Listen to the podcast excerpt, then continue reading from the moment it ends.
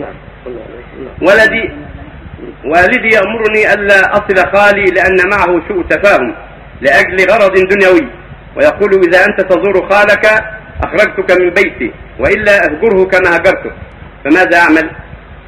إذا أمرك والدك بهجر خالك أو عمك أو أو نحوه بغير حق إلا أنه سوء تفاهم بينه وبين بين والدك وبين خالك أو أخيك أو نحو ذلك من أجل الدنيا والخصومات فليس لك أن تستعمل في لأن هذا معصية.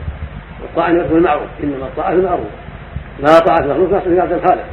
وعلى والدك أيضا أن يتقي الله وألا يهجره أكثر من ثلاث النبي صلى الله عليه وسلم نهى عن الهجر فوق ثلاث يعني في أمور الدنيا.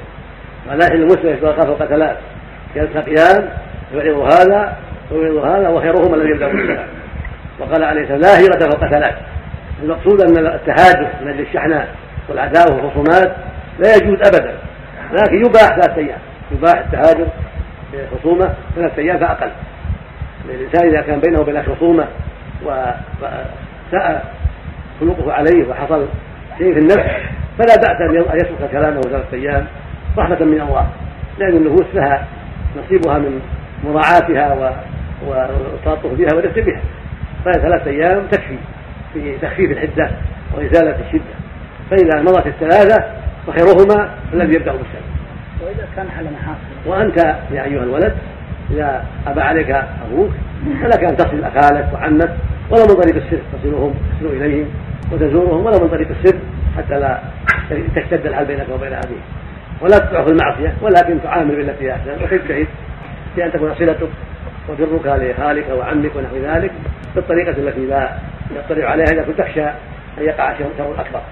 وأما إذا كنت تستطيع أن تهدئ الوضع وأن تنصح والدك وأن تقول له هذا لا يجوز وأن عليك أن ترفق بأخيك أو بخالك أو بأخي. أمه المقصود أنك تنصحه لعله يهتدي حتى يصالح خالك أو عمك وحتى تكون تزول هذه الوحدة بينهم اللهم أما إذا كان الهجر للدين لأن الشخص يتظاهر بالمعاصي والبدع هذا يهجر حتى يتوب. ولو ولو سنة أو سنتين ولو أكثر. يهجر حتى يتوب. وقد هجر النبي صلى الله عليه وسلم ثلاثة.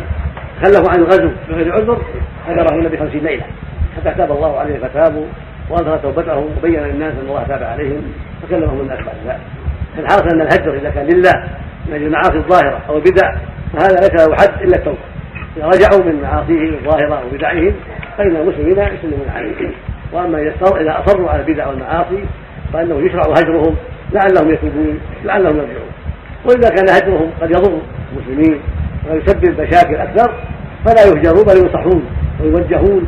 إذا كان هجرهم يضر المجتمع أو يفضي إلى فساد أو إلى منكر أكبر الهجر محل اجتهاد محل نظر